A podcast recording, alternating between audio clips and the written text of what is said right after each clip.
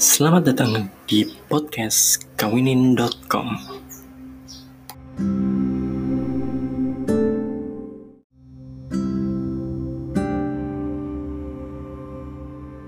Assalamualaikum warahmatullahi wabarakatuh. Hari ini adalah hari ke-20 sharing sehari 5 menit dan saya mau sharing mengenai nikah itu nggak cuma nggak cuma modal yakin. Nah, kenapa ini yang dibahas? Karena banyak uh, problem-problem pada uh, jombloan jomblowati itu pada pada para single ini yang pengen nikah banyak mereka yang uh, nikah itu hanya modal yakin. Menurut mereka ya nikah itu ibadah jadi jangan dipersulit. Nikah itu uh, apa harusnya memudahkan meringankan bukan uh, malah jadi sulit dan nambah masalah gitu tapi nggak seperti itu juga. Kenapa? Karena bisa jadi resepsi itu adalah bentuk kita syiar bahwa kita sudah menikah, kita sudah sah, kita adalah suami istri. Jadi orang-orang perlu tahu. Nah, yang kedua bisa juga karena budaya. Ini saya nggak menyalahkan budayanya kalau memang kita sanggup dan selama budayanya tidak menyimpang dengan ajaran Allah Subhanahu wa taala. Atau memang mungkin karena gengsi. Ya menurut saya gengsi itu nggak baik. Cuma bukan artinya kita uh, menggampangkan segalanya gitu. Nah memang nggak sedikit juga orang-orang yang ngerasa nikah itu kan uh, seumur hidup sekali. Jadi pengen ya yang terbaik yang dilakukan. Oke okay, yang terbaik tapi yang mampu uh, yang semampu kita juga. Bukan kita dibuat se seolah-olah tidak mampu atau kita membuat seolah-olah mampu. Ya dengan sesuai kapasitas kita aja gitu. Jadi ya kita nggak bisa memungkiri bahwa biaya pernikahan itu besar gitu. Besar dengan skala relatif ya. Kalau memang keluarganya berkecukup berkecukupan bahkan uh, bisa dibilang di atas rata-rata mapan ya standar kemampuan mereka segitu. Tapi kalau buat yang menengah ke bawah standar kemampuannya seapa? Kita bisa lihat masing-masing lah dari hal itu. Tapi setidaknya jangan juga meremehkan pernikahan bahwa pernikahan tuh nggak nggak butuh apa-apa gitu. Maksudnya cuma modal yakin doang gitu. Ya banyak banget yang yang diperlukan eh, menjelang pernikahan. Salah satunya ya modal tadi kenapa karena modal ini, modal nikah tuh khususnya buat laki-laki ya, adalah bentuk penafkahan kita. Kita tuh siap nggak sih dengan segala konsekuensi. Salah satu konsekuensi pertamanya adalah dengan uh, menyiapkan budget pernikahan gitu. Jadi kita harus tahu kita cukup gak, kita mampu nggak, kita sanggup gak untuk uh, melaksanakan resepsi pernikahan seperti yang diharapkan. Itu jadi nggak cuma modal yakin banyak juga yang kita butuhkan. Karena gini pada dasarnya ya karena yang pengen nikah itu kan nggak pernah menikah nggak pernah uh, melakukan resepsi jadi nggak tahu referensi. Kadang bisa ketipu berlebihan atau kadang cuma ngedengar dari orang-orang bahwa biaya nikah itu besar nggak juga nggak besar juga. Kalau kita memang paham cara manage-nya.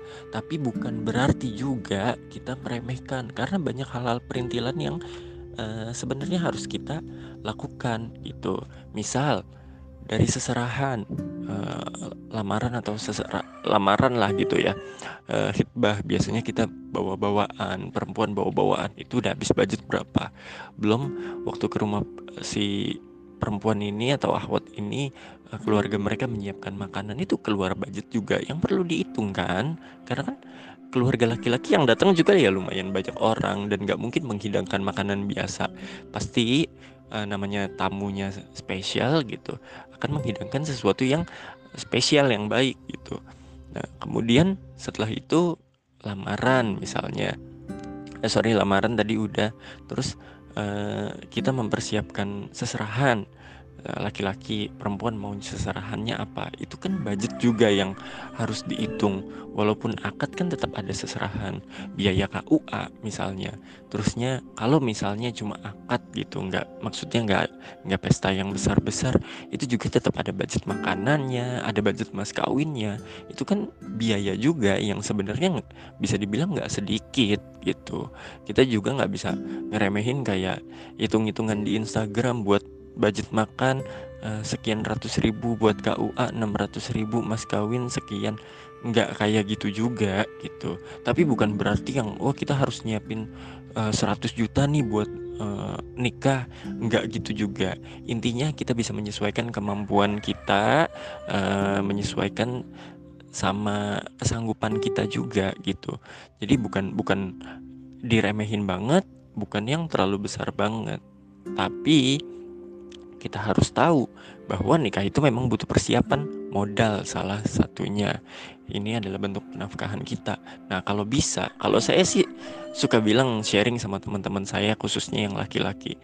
Bisa nggak sih kita men-challenge diri kita sebelum kita menanggung biaya hidup si akhwat ini selama seumur hidupnya, bisa nggak sih kita nanggung biaya nikahan ibaratnya pintu gerbang kita menuju eh, apa menuju penafkahan yang berkelanjutan gitu. Bisa nggak sih kita menuhin itu? Kita nggak minta sama orang tua kita nggak minta sama si pihak ahwat. Kalau perlu kita nggak minta kita full yang ngeluarin biayanya. Itu sih oke okay banget gentle banget. Tapi jangan pernah nolak kalau orang tua uh, itu mau ngasih bantuan baik orang tua kita uh, ikhwan atau orang tua akhwat. Kenapa? Karena kalau kita menolak bantuan itu bukannya kita dianggap mandiri atau segala macamnya uh, kita justru dianggap uh, sombong gitu. Karena orang tua juga mau ngasih bentuk menafkahan terakhirnya ke kita. Karena setelah menikah kan kita lepas dari tanggung jawab mereka gitu kira-kira. Itu modal di budget. Yang kedua modal di ilmu ya bukan cuma modal yakin kan? Modal di budget modal di ilmu. Nah banyak juga orang-orang yang nikah itu karena terburu-buru karena ngelihat uh, apa selebgram selebgram yang baperin kita nikah muda itu apa nikah muda itu bahagia menyenangkan dan segala macamnya memang itu ada sebagian yang betul mungkin mereka merasakan kebahagiaan itu. Kita nikah pun pasti kita akan merasakan kebahagiaan. Tapi kan mereka juga nggak ngeposting mas masalah mereka. Mereka nggak ngeposting masalah uh, apa problem rumah tangga mereka cobaan mereka. Mereka nggak akan posting itu kan. Nah perlu kita tahu bahwa kita harus punya kecukupan ilmu uh, modal ilmu untuk gimana menghadapi rumah tangga? Karena seperti yang saya bilang sebelumnya rumah tangga itu sumbernya cobaan gitu. Jadi kita harus punya dasar-dasar ilmu. Kalau seperti ini cara menyikapinya seperti apa? Kalau masalah seperti ini cara menyikapinya seperti apa? Gitu. Nah ilmu ini bukan cuma ilmu agama uh, ilmu agama ya jelas wajib. Kita kan ingin membangun rumah tangga yang baik yang uh, diridhoi Allah gitu. Namanya kita pengen ibadah kan. Ibadah seumur hidup menyempurnakan separuh agama gitu. Iba suatu ibadah yang sangat besar. Kita kan harus punya dasaran yang lebih besar dong. Kita aja sholat kan ada rukunnya gitu ada tata caranya ada aturannya semuanya. Itu sholat yang uh, paling kita lakukan 5-10 menit gitu apalagi ini yang eh, ibadah seumur hidup setiap waktu kita ibadah apa pun yang kita lakukan bisa jadi nilai ibadah. Gitu loh. Nah ini kan butuh ilmunya yang justru akan sangat banyak ilmunya gitu. Nah itu kita mesti belajar. Itu ilmu agamanya. Nah ilmu kehidupannya. Kayak misalnya kita berumah tangga uh, itu nggak mungkin sebentar pasti lama.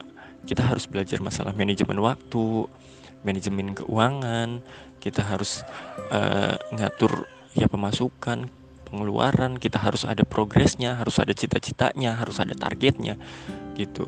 Terus misalnya udah punya anak masalah parenting seperti apa segala macem itu kan kita harus belajar juga gitu. Ya jadi tadi modal ilmu modal uh, uang itu materi modal ilmu. Yang ketiga adalah uh, kita harus punya modal hati Kenapa saya bilang modal hati? Nikah itu masalahnya besar, masalahnya banyak, cobaannya banyak. Kita harus punya hati yang lapang, hati yang siap menerima segala konsekuensi dari apa yang kita ambil.